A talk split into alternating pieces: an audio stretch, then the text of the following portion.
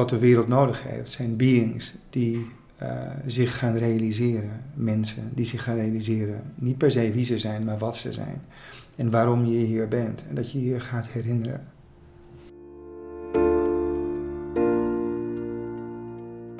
Dit is de Braveheart Club. De podcast van happiness en schrijver en angstonderzoeker Rowanne van Voorst. Waarin we in gesprek gaan met moedige mensen. Vrije denkers. Mensen die tegen de stroom in durven te gaan. En die daarvoor kleine en grote angsten overwonnen. Mensen die soms bang waren, maar besloten dat iets anders belangrijker was. Johan Noorloos werd geboren in Harlingen en volgde op zijn 27ste pas zijn eerste yogales. Niet omdat hij per se leniger wilde worden, wel omdat hij geen andere weg meer zag. Hij was ernstig ziek, moe en bang. Inmiddels is hij eigenaar van een grote yogaschool, leidde hij honderden yogadocenten op, waaronder mij, schreef hij boeken over zijn pad en maakte er zelfs een keer een theaterstuk over. We hadden een mooi emotioneel gesprek met als speciale extra gast zijn hond, die Johan eerst niet in huis durfde te nemen en die nu het centrale middelpunt was van onze ontmoeting. Ik hoop dat jij net zoveel gaat genieten van de mooie stem en wijze inzichten van Johan als ik deed. Komt-ie. Johan, zo fijn dat ik op bezoek mocht komen. Ja, wat ontzettend leuk dat je er bent. En Van harte welkom. Dankjewel. En achter ons, misschien horen mensen dat wel, ligt uh, jouw hond, Boeddha. En die ligt lekker te knagen op een of ander bordje. Ja. en eigenlijk is dat wel een goede starter. Want we hebben het in deze podcast altijd over dingen die je eng vindt. En toen jij en ik elkaar leerden kennen, toen volgde ik bij jou de yoga-opleiding. Ja. Yoga Teacher Training.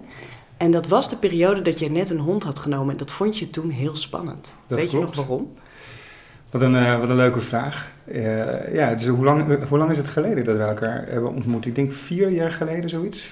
Bijna vijf misschien wel. Ja, zoiets. Want hij was toen nog een hele kleine pup. En ja. het is nu echt een best heel grote retriever ja, Het is nu een grote reus, ja. Wat leuk, ja, hij heet Boeddha. En ik moet je zeggen dat hij zijn naam eer aandoet. Dat hij zijn naam al uh, een aantal jaar eer aan heeft gedaan. En... Um, ja, ik denk dat intuïtief ergens, misschien ook wel deels onbewust, maar nou, het is altijd lastig als je terugkijkt, dat je precies kunt, uh, dat, je, dat, je, dat, je, dat je nooit zo helemaal goed weet wat ook weer een bewuste keuze was en wat niet. Maar ik wilde graag een hond. En wat ik uh, wist, is dat ik nooit lang een relatie in stand kon houden, met een, in mijn geval met een man. Um, en ergens, nou, ik ben natuurlijk daar ook wel, ik heb er wel eens mensen voor gesproken, hè, experts die me dan zouden kunnen helpen, een therapeut. Oké, okay, wat is dat dan? Wat is dat dan een soort van bindingsangst? Vind je het dan lastig om, uh, om een bepaalde intimiteit aan te gaan met een ander?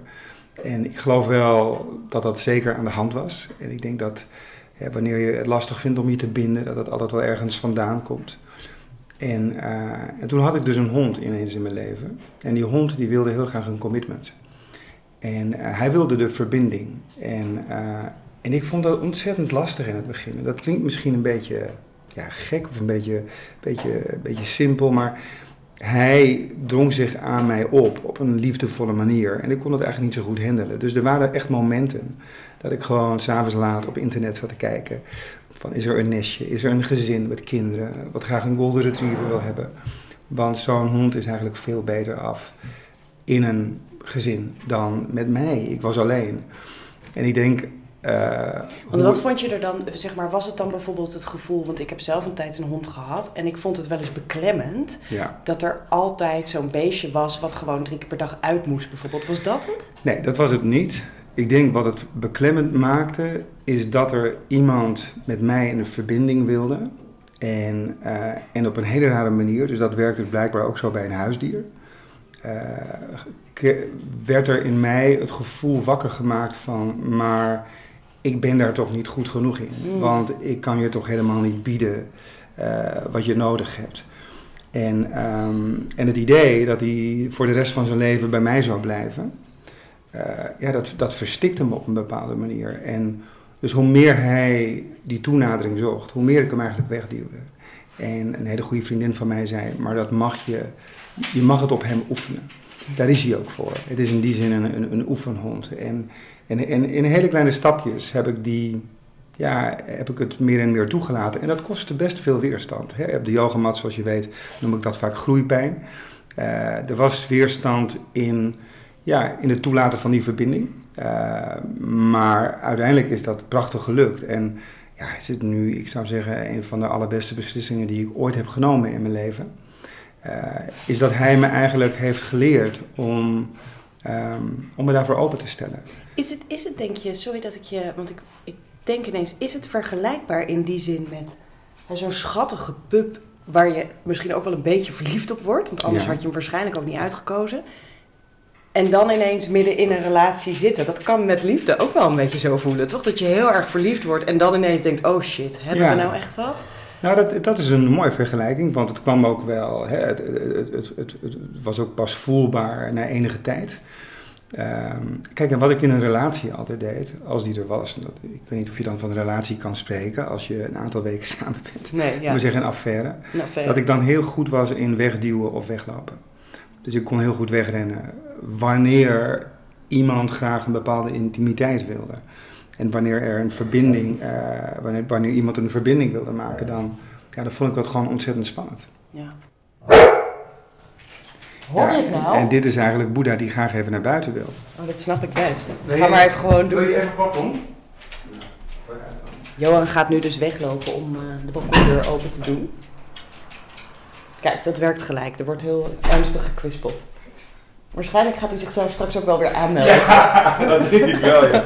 Als er zo meteen weer geblaft wordt, dan loop ik nog even naar de deur. Ja. Precies. Hey, en weet je nog, kan je nog een moment herinneren waarop je dus merkte van ik vind het spannend, of misschien zat je wel te zoeken dan online, en je komt weerstand tegen, en hoe heb je dat dan aangepakt? Want je hebt hem nog steeds. Ik denk dat de sleutel in alles zit, is dat je, het, eh, dat je op een gegeven moment op een punt komt waarop je het durft te voelen. En ik denk wat ik durfde te voelen is, ehm, ja, misschien wel de verbinding die ik met mezelf miste. En, eh, en dat er, ja, op het moment dat iemand heel dichtbij komt, dan, zoals ik het in ieder geval heb ervaren, dan word je weer geconfronteerd met al die dingen die je ooit over jezelf hebt gedacht. Dus het is helemaal niet, wie wil er nou bij mij zijn? Ik ben toch niet goed genoeg? Of hoezo zou je een verbinding willen met mij? Met mij, een, een jongen die, ik geloof de eerste 18 jaar van zijn leven, of de eerste 25 jaar van zijn leven, naar bed is gegaan met het idee, als ze zouden weten wie ik ben, dan willen ze me niet meer. Want je was homofiel. Ja, ik dat denk dat homoseksualiteit een hele grote rol heeft gespeeld. Zeker in een, ja, in een traditie, in een opvoeding. Ik loop nog heel even naar de Ja, deur. tuurlijk. Nou, Boeddha, je weet het wel. Heel goed te timen dit. Nou, maar dat is heel goed. Hij is ook het gespreksonderwerp. Dus dan Ja. kunnen we gelijk voelen hoe dat is, die commitment. ja, precies, ja. Nee, hij is af en toe een beetje... eh, eh, hij geeft heel goed eh, Zijn behoefte aan. zijn behoefte aan. inderdaad. Daar kunnen veel mensen nog wat van leren. Ja. Maar ik denk de, ja, het, het feit dat je, dat je, laat maar zeggen, hebt geleerd om te wantrouwen wat je voelt. En dat heb ik echt geleerd. En, en dat heeft niemand, daar is niemand per se schuldig aan. Maar dat is gewoon zoals het gegaan is. En ik voelde al heel vroeg, eh, dat wat ik voel is kwetsend voor anderen. Is teleurstellend voor anderen. En sowieso voor mijn vader en mijn moeder. Want ik had heel goed begrepen in de kerk. En, en ook als de familie bij elkaar was. Dat homoseksualiteit, dat was niet iets waar je blij van werd. Dat, dat, dat hoorde eigenlijk niet. Dat paste niet.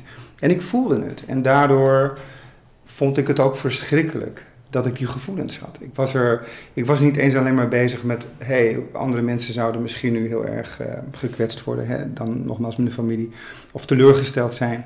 Maar ik was het zelf vooral. Ik was heel erg teleurgesteld in het feit dat ik dat voelde. En ik heb er alles aan gedaan om, uh, om er niet naar te luisteren, om er niet naar te handelen.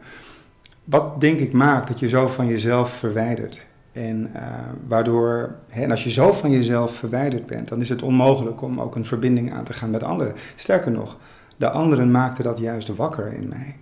En dat voelt zo onaangenaam, dat voelt zo bedreigend eigenlijk. En dat was zelf bij, zelfs bij mijn hond het geval. Dus als iemand bij jou in de buurt kwam, dan, ja, wat ze eigenlijk altijd wel zeggen, hè, met, een, met een partner heb je juist constant een trigger natuurlijk. Is het Ja. minder veilig dan gewoon lekker alleen zijn? Ja, en het, lange tijd kon ik dat gewoon niet aan. Ik kon het niet voelen. En, eh, en ik denk dat hè, eh, wanneer je daadwerkelijk iets durft te voelen, heb je moed voor nodig, heb je veel vertrouwen voor nodig, dan is er ruimte voor heling en eh, voor verwerking. Ehm, dat, dat helpt je ook om sterker te worden. Alleen, ja, when you know better, you do better. Ik wist niet hoe ik het moest doen, ik kon het niet. En in hele kleine stapjes, en daar heeft hij, deze kleine witte, dat witte bolletje liefde, heeft me daar ontzettend in gestimuleerd. Want hey, hij was er elke dag. We werden samen met elkaar wakker en, en we vielen samen met elkaar in slaap zo ongeveer. En hoe meer ik hem wegduwde, hoe meer die kwispelend naar me toe kwam lopen. Hij nam geen genoegen met een afwijzing. Hij nam het ook niet persoonlijk.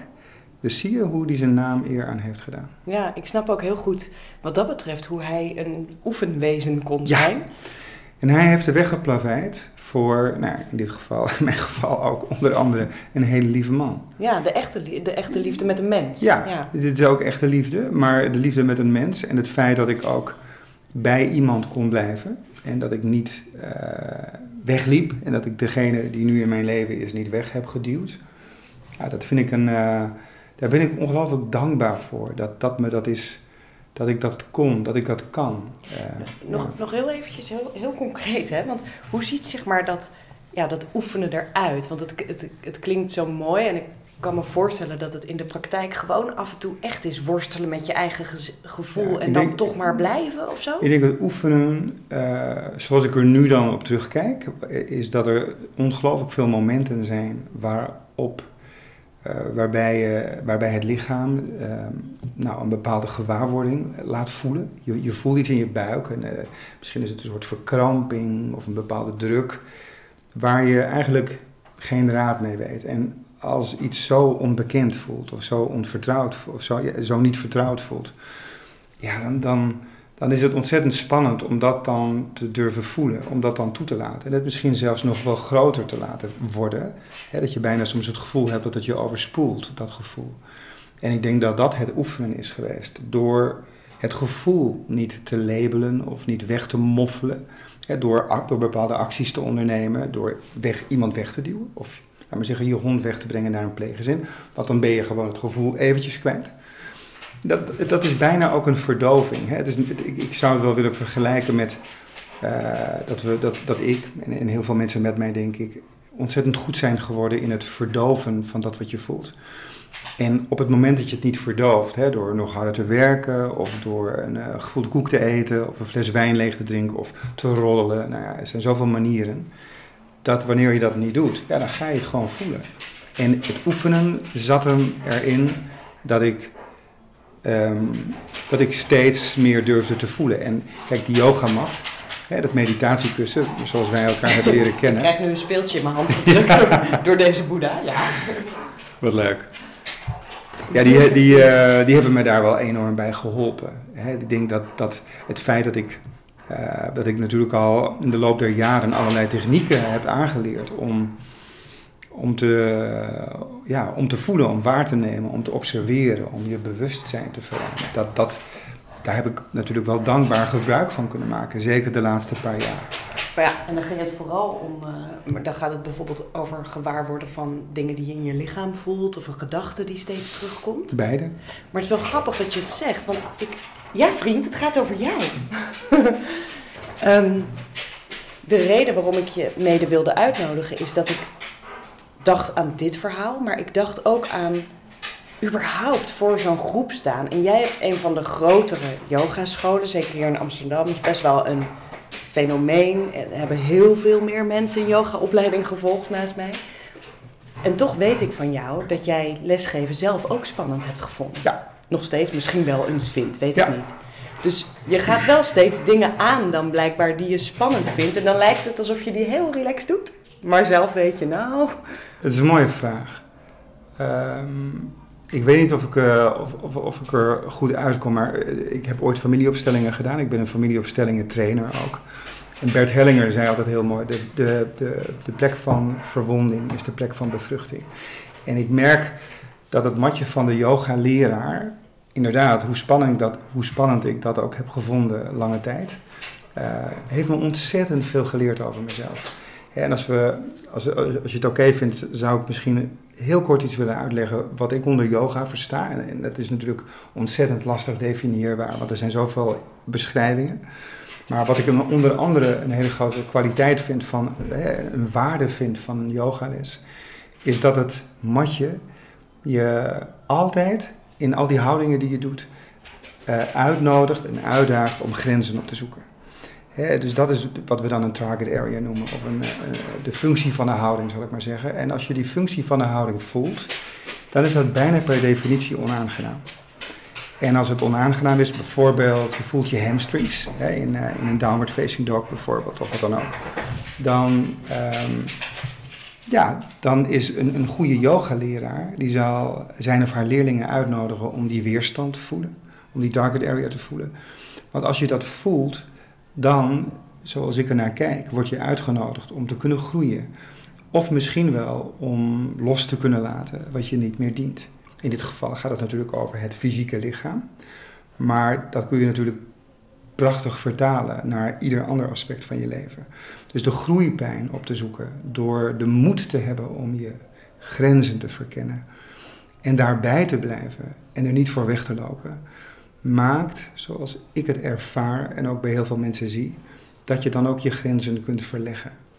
En dat is heel iets anders dan het forceren van grenzen. Ja, en als ik hem terug mag koppelen, dan weet ik nog wel dat voor mij, uh, dat kan dus voor iedereen een, ander, een andere beweging zijn. Dus ik weet dat voor mij. In, in de vorm ziet het er altijd anders uit. Precies, en juist geneigd om disciplinair te zijn en over de grenzen heen te gaan, was denk ik het leertraject meer voelen oh, dit voelt gewoon niet fijn voor mijn lichaam, dus misschien moet ik het hierbij laten. Misschien moet ik eens nee zeggen, misschien moet ik het niet doen of zo. Hè? Dus dat kan alle kanten op gaan. Absoluut. Ik denk, het is zo persoonlijk. Ja. En ik denk dat voor jou uh, bijvoorbeeld misschien nee zeggen ook ontzettend veel weerstand opriep. Hè? Omdat je het niet gewend bent om te doen. Dus ik denk dat de Hey, ik, bedoel, kom natuurlijk in de school zoveel mensen tegen die over hun grenzen zijn gegaan stelselmatig. wat je een burn-out zou kunnen noemen. Uh, en dat is dan overduidelijk blessurepijn. Het is een belangrijk verschil, hè? groeipijn en blessurepijn. Het is een hele dunne lijn, want waar gaat groeipijn over in blessurepijn? Nou, ik denk dat niemand je dat kan leren. Dat kun je alleen maar zelf ervaren. En daar heb je dan een heel leven voor. Daar heb je ook een lichaam voor om dat hè, proefondervindelijk te ervaren. Ik zou zeggen, wat je ervoor nodig hebt, is bewustzijn om te weten waar die grens zich bevindt.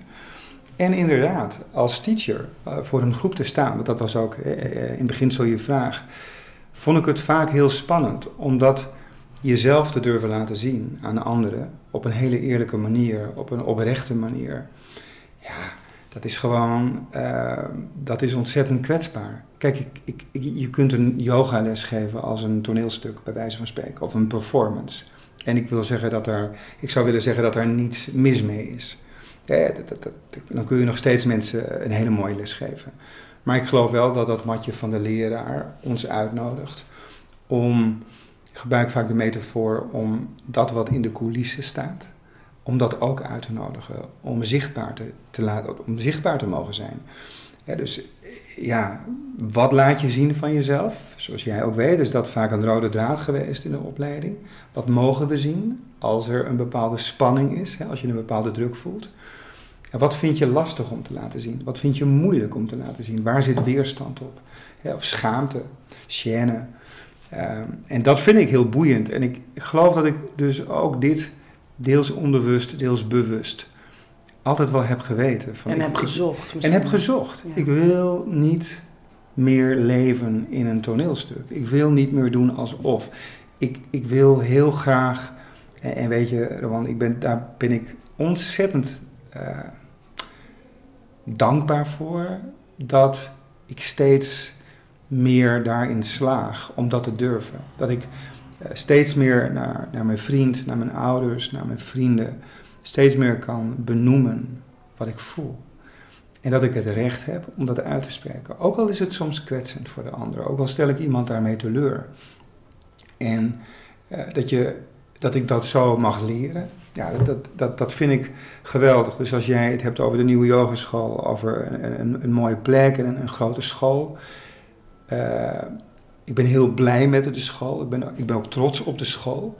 Maar eigenlijk staat de groei van de school voor mijzelf uh, metafoor voor de stappen die ik heb durven zetten. Wat voor, wat voor grenzen of wat voor ingewikkeldheden kwam jij tegen toen je begon met dat hele traject? Ehm, overtuigingen. Uh, ik ben niet goed genoeg. Uh, het gaat nu misschien wel goed, maar er komt natuurlijk wel een moment dat ik door de mand val. en als je echt zou weten wie ik ben, dan zou je je realiseren dat je niets met me te maken wil hebben. Uh, ja, het, het, klinkt heftig, maar het was zo. Nou, ik kan me voorstellen dat het juist in een yoga-docentrol best lastig is, omdat je misschien zelf vindt of bang bent dat anderen dat projecteren. misschien is dat ook wel zo. Dat het een soort perfecte zen-persoon is die daar altijd moet staan zonder enige negatieve gevoelens. Ja, een soort, je, wil, je, bent, je bent ergens een rolmodel, hè, je wilt een voorbeeld zijn. Maar kijk, wat ik, um, wat ik vaak ook deel met studenten, mensen die de opleiding volgen, Um, kijk, toen ik met yoga begon, deed ik het uitsluitend voor mezelf. Ik zat, het leven had me daadwerkelijk met de rug tegen de muur gezet. Ik, ik was ziek, ik, ik heb HIV, dat, dat weten mensen die mij een beetje kennen allemaal wel. Dat is ook helemaal geen geheim. En um, ik was overduidelijk over mijn grenzen gegaan. Een, een heel lang stuk van mijn leven. En ik was op zoek naar een manier om met mijn angst om te gaan. Om, ja, angst voor de dood. Ja, de angst voor de dood, de angst, nou ja, ook weer hier, de angst om teleur te stellen. Want wat als de mensen om me heen dit zouden weten, dat ik misschien inderdaad wel doodga en heel ziek word. Ja, dan ben je toch echt wel een teleurstelling. Dan, dan, heb je het niet echt goed gedaan. Dan heb je, en ik had zo mijn best gedaan, maar het was niet gelukt. Het was eigenlijk hartstikke mislukt uh, in mijn beleving. En... Um, Um, kijk, toen, yoga, toen ik dus met yoga begon, om, om überhaupt misschien een klein beetje te kunnen voelen en, en, en die angst op een bepaalde manier te kunnen doseren, ja, weet ik veel, zoiets. Uh, het was een hele onstuimige periode. Had ik natuurlijk nooit bedacht dat ik les zou geven. Ik deed het gewoon voor mezelf. Ik deed wel teacher trainingen. Ik ben naar Azië gegaan. Ik, heb, ik ben overal op de wereld heb ik trainingen gevolgd, in elk werelddeel. Maar ik deed het niet per se om les te geven. Wat ik wel deed, is dat ik het ging delen. Met mijn vrienden. Ik had een anti-kraakruimte op het Leidseplein. Nou, dan ging ik het delen elke dinsdagavond. Soms was er één iemand, soms waren er twee. En dat was heel laagdrempelig. Ik deelde gewoon wat het mij had gedaan. En, en, en dat vond ik heel fijn, want ik ben wel een leraar. Ik heb altijd gewerkt met kinderen. Ik, ik, op mijn basisschool. Ik ben ik, ik, ik vind het heerlijk om te kunnen doseren, om les te kunnen geven. Maar op een gegeven moment werd het wel groter. En we moesten die anti-kraakruimte uit binnen een half jaar, geloof ik, omdat er veel te veel fietsen buiten stonden. Het werd gewoon vol en overvol. En toen ging ik naar een andere studio en toen deed ik ineens dat wat ik altijd uh, had geplakt op uh, mannen met lange grijze baarden. Dat deed ik in één keer zelf. Ik was ineens een yogaleraar en ik wilde daar heel graag over blijven delen. Dus ik schreef er een boek over. En ik probeerde daar heel erg open in te zijn. En dan gaan mensen je volgen. En mensen willen dan graag je lessen volgen. Maar ja, ik was zelf midden in het proces ook. En ik, wat ik daar heel mooi aan vind, als, als ik dat nu zie bij collega's of bij studenten, is dat je lesgeven definieert als het delen van dat wat jou zo goed heeft gedaan. Dan, wordt het dan blijft het zuiver en ook wel pretentieloos. Uh, in plaats van jezelf als een soort goeroe of ja. vriend. Gezellig. Hey Poets. Moest het weer even over jou hebben. ja. Speaking of the guru. ja, Boudé, je zit wel heel erg mooi in deze podcast. Je ja. wordt een hele beroemde hond. ja.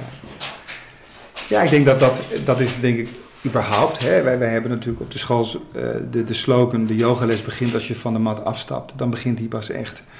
Dus ik denk dat je dit eigenlijk in, in alles kunt vertalen. Hè. Waarin, waar verschuil je je achter en wanneer probeer je jezelf te laten zien op een manier waardoor je indruk kunt maken. Of waardoor je misschien bepaalde erkenning krijgt.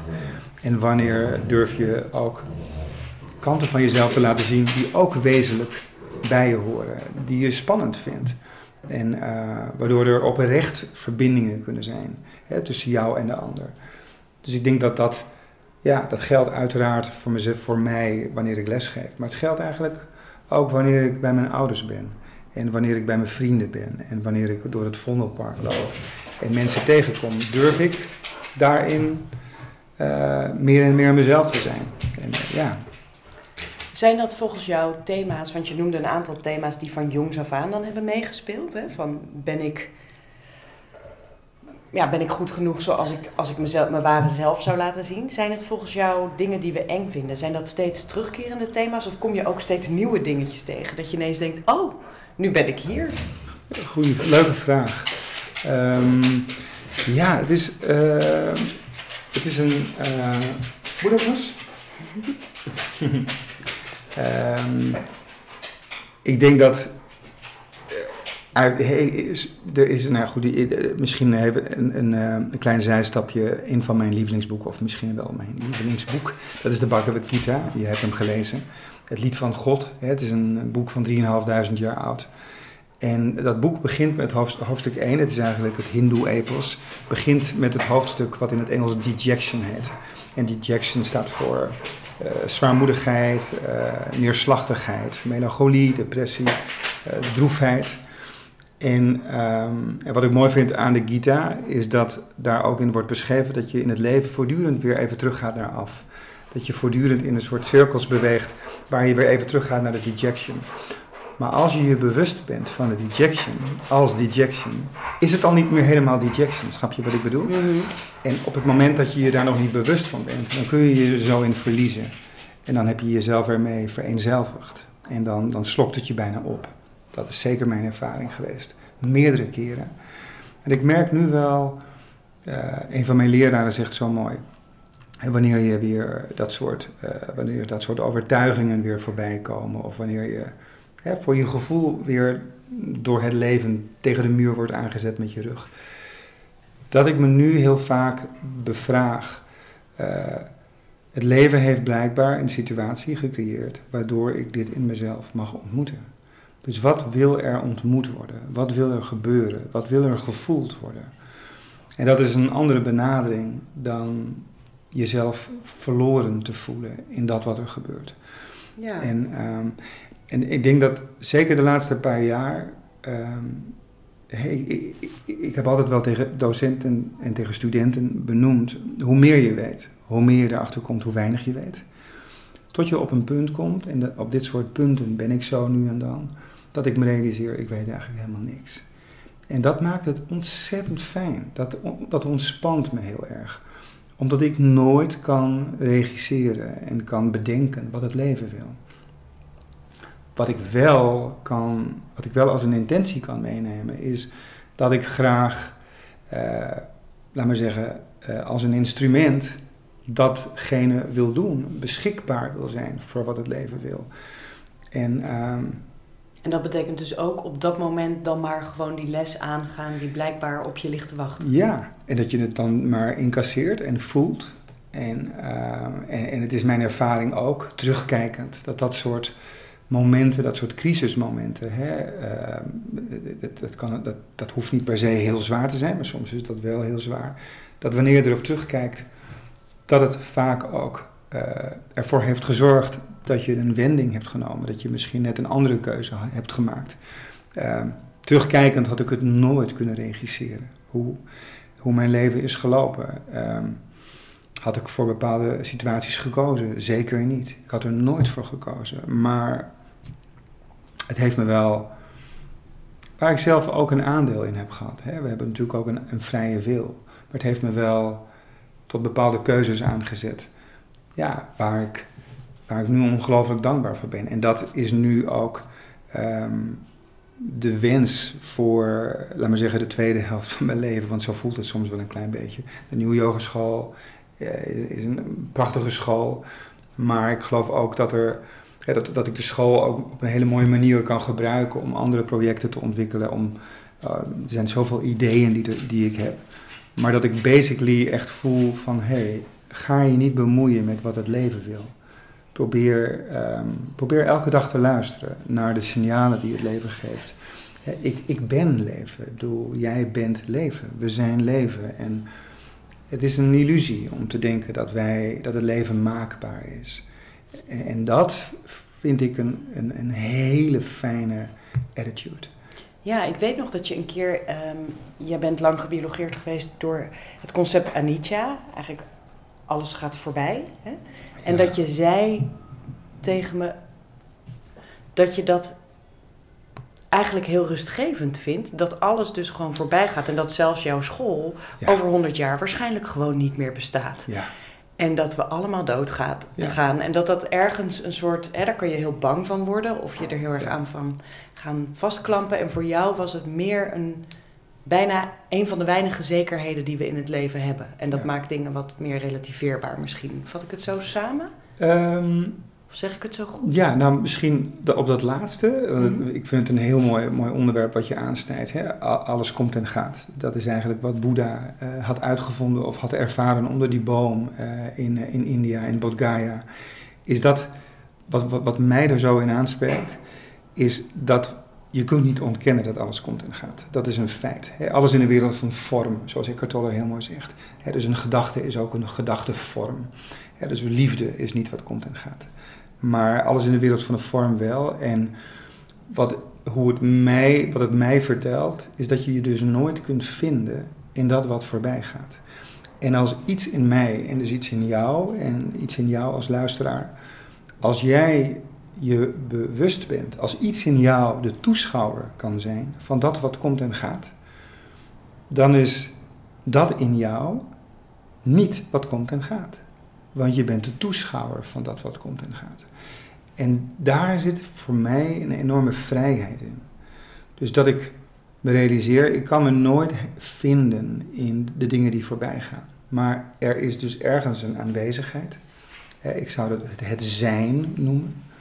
Wat zich bewust is van dat wat komt en gaat. En op die plek te zijn, vanaf die plek de waarnemer te zijn, dat geeft juist heel veel vrijheid.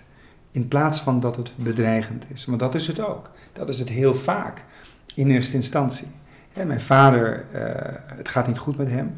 Eh, hoewel het nu redelijk goed gaat, maar we zijn veel ziekenhuis in en uit geweest. Hey, Anitja is, is in mijn gezin eh, heel voelbaar. En dat is absoluut bedreigend. Ehm, en, ehm, dus, en, en, het is voor de mind eh, super bedreigend, want je wilt niet dat het stopt, maar je weet dat het een keer ophoudt. En tegelijkertijd, hè, ehm, ja, eh, nodigt het mij en mijn vader nu ook uit tot ongelooflijk mooie gesprekken die we samen hebben.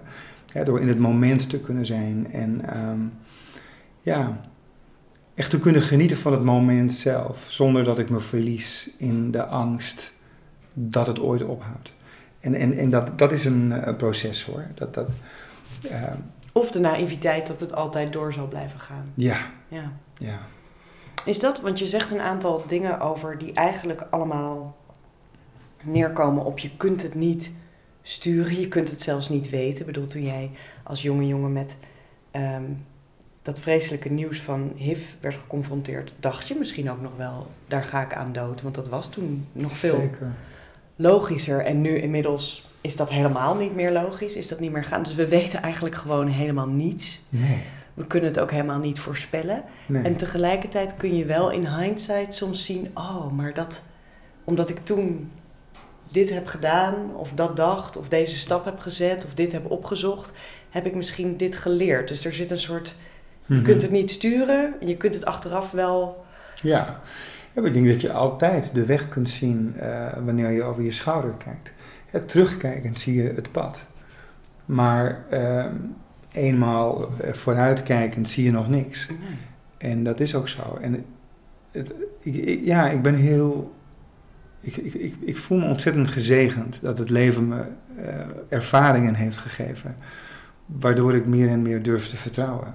Ja, en daarin kun je misschien wel ehm, wat, wat dapperdere beslissingen nemen of Ja. stil blijven staan. Ja, dat, dat ben ik helemaal met jou eens. Wat, wat denk je dat je ehm, als, als belangrijk inzicht, als je nu, hè, we, we zitten even op het randje van de eerste helft van je leven, zeg maar. Ja. Wat is voor jou nu, als je terugkijkt, een heel groot levensinzicht geweest? Wat je hebt geleerd, wat je mee gaat nemen naar deel 2? Ehm, ik denk wat, ik, wat, wat mijn leraar eh, zo nu en dan zegt. Hij zegt, "Hè, het gaat niet goed met de wereld. Uh, dat weten we natuurlijk allemaal wel. Het gaat niet goed met moeder aarde.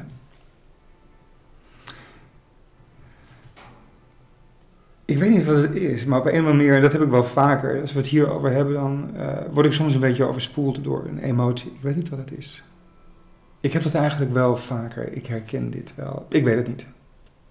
Ja, het lijkt alsof er dan zo tranen. Uh, ik voel dan heel veel als het hierover gaat.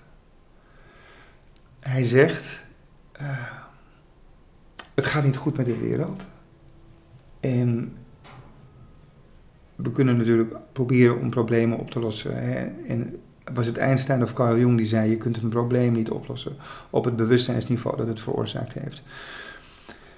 En wat hij zegt is: uh, wat de wereld nodig heeft, zijn beings die uh, zich gaan realiseren. Mensen die zich gaan realiseren. Niet per se wie ze zijn, maar wat ze zijn.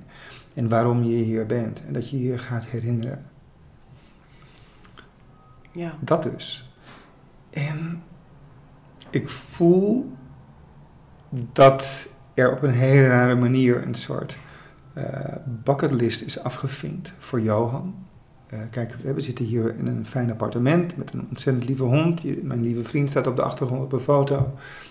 Ik heb trotse ouders, je kent mijn school, het is een mooi bedrijf. Ik ben hartstikke gezond nu. Ik heb niets meer te wensen voor mijzelf. Waardoor het nu zo voelt alsof ik uh, ja, die enorme bucketlist uh, die Moeder Aarde heeft, dat ik daar graag, ja, daar wil ik graag beschikbaar voor zijn. En ik heb geen idee hoe, maar um, ja, dat ik me dat herinner, dat ik hier niet zomaar ben. En uh, dat ik hier met, zoals wij allen, uh, met een bepaalde reden zijn. En dat we dat ons herinneren. Ja, dat overspoelt me met. Het zijn tranen van uh, geluk eigenlijk. Het zijn, dit is niet verdriet. Het is een soort. Ik, het is zo iets groots waar ik onderdeel van mag zijn. Waar we allemaal onderdeel van mogen zijn. We zijn allemaal één, überhaupt. We bestaan allemaal uit energie. En daar me bewust van te zijn, ja, dat, dat, en dat ook te voelen, dat, dat overweldigt me. Hmm. Ja. Ik stel altijd eigenlijk deze vraag aan mensen met wie ik spreek. En ik moet er nu weer aan denken, dus misschien is het een mooie laatste vraag voor nu.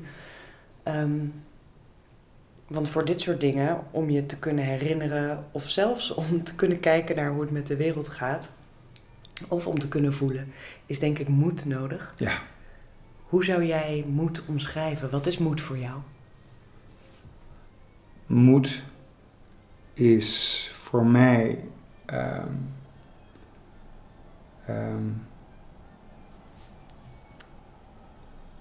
dat je jezelf, uh, en dat zijn vaak hele kleine stapjes, um, durft te laten zien aan de wereld. En dat je de donkere kanten, de, de, de, de duisternis, dat wat, waar schaamte op zit, waar schuld op zit, is dat je dat vaak in hele kleine stapjes durft, uh, ja, durft te voelen, durft te laten zien. Um, ik vond het altijd heel mooi dat in die, uh, in die prachtige speech van Nelson Mandela, die dan Marianne Williamson had geschreven, die, waarin zij dan zegt van het, je bewijst de wereld geen dienst door jezelf klein te houden, opdat anderen zich ongemakkelijk voelen. Eh, ik denk in tegendeel juist, wanneer je bevrijd bent van angsten, bevrijd bent van beperkende overtuigingen, dat je daarmee anderen juist inspireert om dat ook te doen. En um, ja, dus ik, da, daarin stappen te durven blijven zetten. Hoe we, het, en misschien uh, ook al gaan al die alarmbellen af in je lichaam. Dat je eigenlijk moet weglopen. Of dat je dat het misschien niet goed is of dat de mind er van alles over bedenkt. Um, ik, hoorde een keer iemand zo mooi uitleggen als zijn is uh, wat we zijn. Als jij zijn bent en ik ben zijn, en verlos van, van al, onze, al onze vormen. En, en we daar de aandacht aan geven, aan het zijn, dan wordt dat zijn meer en meer bewust. En dat, dat is dan het bewustzijn. Dus het zijn wat eigenlijk aandacht krijgt in plaats van de persona. Um, en, en, daarin alles te durven, in de ogen te durven kijken wat, hè, ja, wat zich dan aandient. Ehm, ja, ik denk dat je daar ontzettend veel moed voor nodig hebt om, om dat te durven. En ehm, een vriendin van mij zei laatst, die deed voor het eerst een yin-yoga les. En ze zei, als ik op die yin-mat sta, dan heb ik altijd het gevoel dat het kelderluik open gaat en dat de demonen eh, eruit kruipen. Ja, oké, durf je dan terug te keren naar die mat? Durf je die mat dan weer opnieuw uit te rollen? En durf je het recht in de ogen te kijken? Ehm, het is de reden waarom ik denk ik nog steeds ook les geef op die manier, omdat ik mensen daar ook graag toe uitnodig en, ja, en mezelf daarin, uh, mijn eigen proces daarin blijf delen. Die verbinding dan ook weer te kunnen blijven voelen. In plaats van jezelf ergens boven te zetten, dat zou zo ongelooflijk misplaatst zijn. Ja. Dus ik, en ik, ik, ik vind het fantastisch en inspirerend wanneer ik de moed bij andere mensen zie die dat ook durven. En zo kunnen we elkaar helpen, zo kunnen we elkaar inspireren. Ja. ja. We gaan nog veel moed nodig hebben, denk ik, de komende tijd. Ja. Ik voel ook wel dat ik daarop zal blijven worden uitgedaagd. En, uh, en ik doe mijn best. Ja, dankjewel. Jij bedankt. Dit was de Braveheart Club van schrijver en onderzoeker Rowanna van Voorst in samenwerking met Happiness. Met deze keer te gast Johan Noorloos. Wil je meer weten over Johan? Kijk dan even op happiness met een z.nl slash braveheart. Daar vind je de podcastnotities met alle linkjes daarbij. En wil je meer Bravehearts horen over de thema's moed, hoop, angst en de levenslessen die daarbij horen? Abonneer je dan vooral op de podcast in de iTunes app van je telefoon of in Spotify. We zijn heel blij als je onze 5 sterren review wilt geven of wat mooie woorden wilt schenken. Want hoe vaker dat gebeurt, hoe makkelijker deze gesprekken te vinden zijn voor andere luisteraars. Dankjewel vast voor je steun en voor je aandacht. Tot de volgende Braveheart Club.